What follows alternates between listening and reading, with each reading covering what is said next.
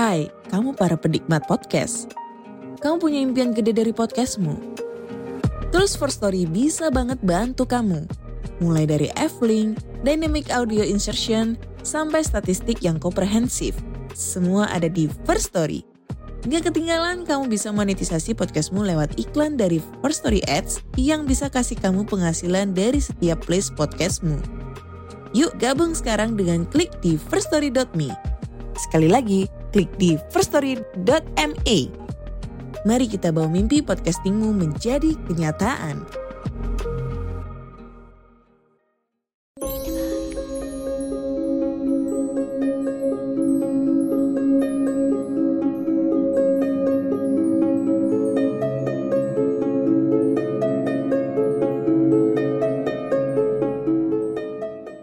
Halo, selamat datang kembali Sobat Rumah Indonesia Ketemu lagi dengan Denny, narator Rumah Horor Indonesia RHI Bagaimana kabar kalian? Semoga kalian baik-baik aja, lancar semuanya. Pada kesempatan ini saya akan membacakan sebuah cerita.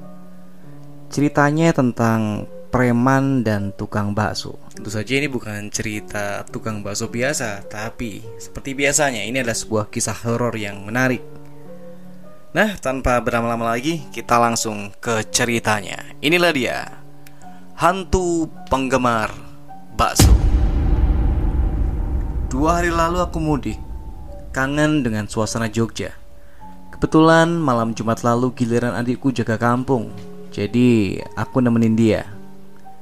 Setelah ngobrol ngalor ngidul, sampailah kami berlima, Pak Gio, Keli, Sutris, dan aku beserta adikku pada pembicaraan yang serem-serem, termasuk pengalamanku ketika masih remaja dulu.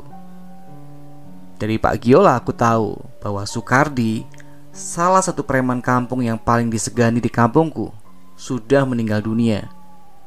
Bukan karena dikebukin orang atau ditembak polisi, melainkan gantung diri.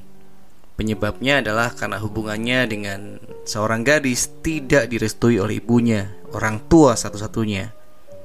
Sebetulnya mereka berempat termasuk adikku agak enggan ketika kutanya tentang sebab musabab meninggalnya Soekardi. Bahkan Keli pun langsung terlihat gelisah dan sekali-kali ia menatap ujung gang dengan wajah agak pucat. Dengan sedikit berbisik, Sutris menatapku serius.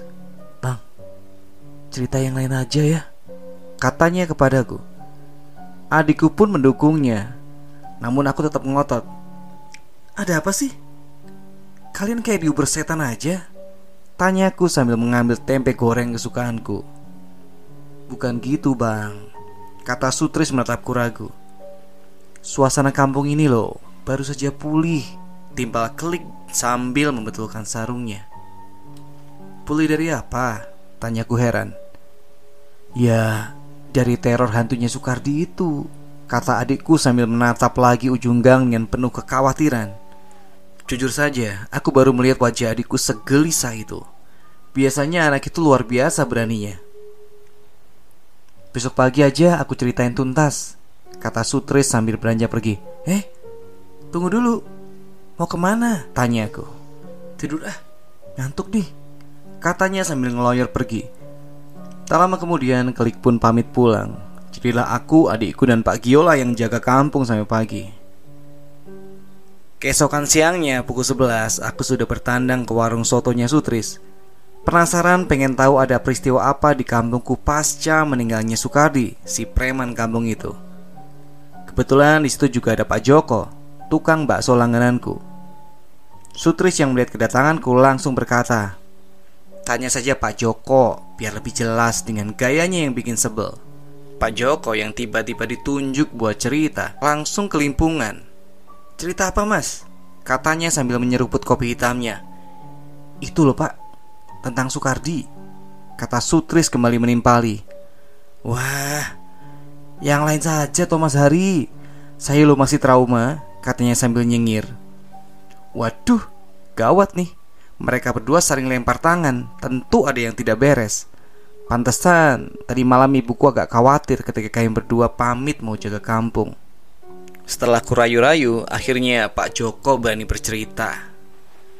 Sudah sebulan lebih saya libur jualan mas Karena di Gunung Kidul baru panen Sehingga saya tidak tahu perkembangan terbaru kampung ini Katanya sambil mengisap rokok kretek kesukaannya. Malam itu hujan dari pagi sampai sore belum juga reda. Tidak seperti biasanya, sampai jam 21.30 baksoku belum laku seporsi pun. Wah, alamat pulang dengan tangan hampa nih gumamku sambil mengusap muka dari tetesan air hujan. Ini dari sudut pandangnya tukang baksonya ya ini ya. Dengan agak malas aku kembali memukuli mangkok baksoku. Pas di pertigaan kemandungan terdengar suara serak-serak basah. Bakso tiga mangkok, Kang.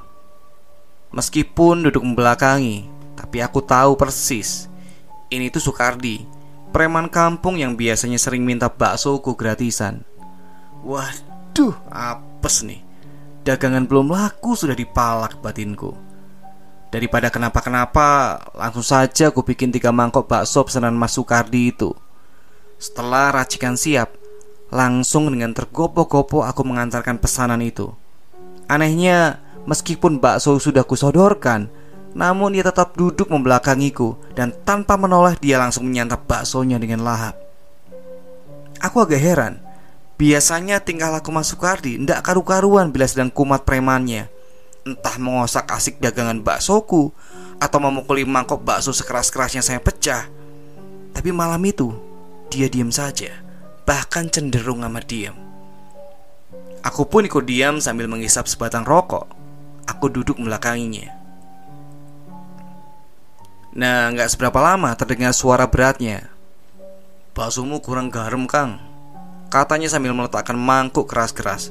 Aku kaget dan spontan berdiri berhadap-hadapan. Betapa lebih kagetnya aku saat melihat Sukardi dengan bajunya berlumuran darah dan ada tali mengikat lehernya, sementara matanya melotot dengan lidah terjulur, persis korban gantung diri. Mataku langsung berkunang-kunang dan terasa gelap seketika. Pas sadar, tahu-tahu aku sudah terbaring di pos dan dikerubung oleh Mas Sutris dan teman-teman yang jaga kampung. Dengan terbata-bata aku menceritakan pertemuanku dengan preman itu. Dan dari Mas Sutrislah aku tahu bahwa Sukardi telah seminggu meninggal dunia Karena gantung diri di Pakuning Ratan. Begitu yang saya alami mas.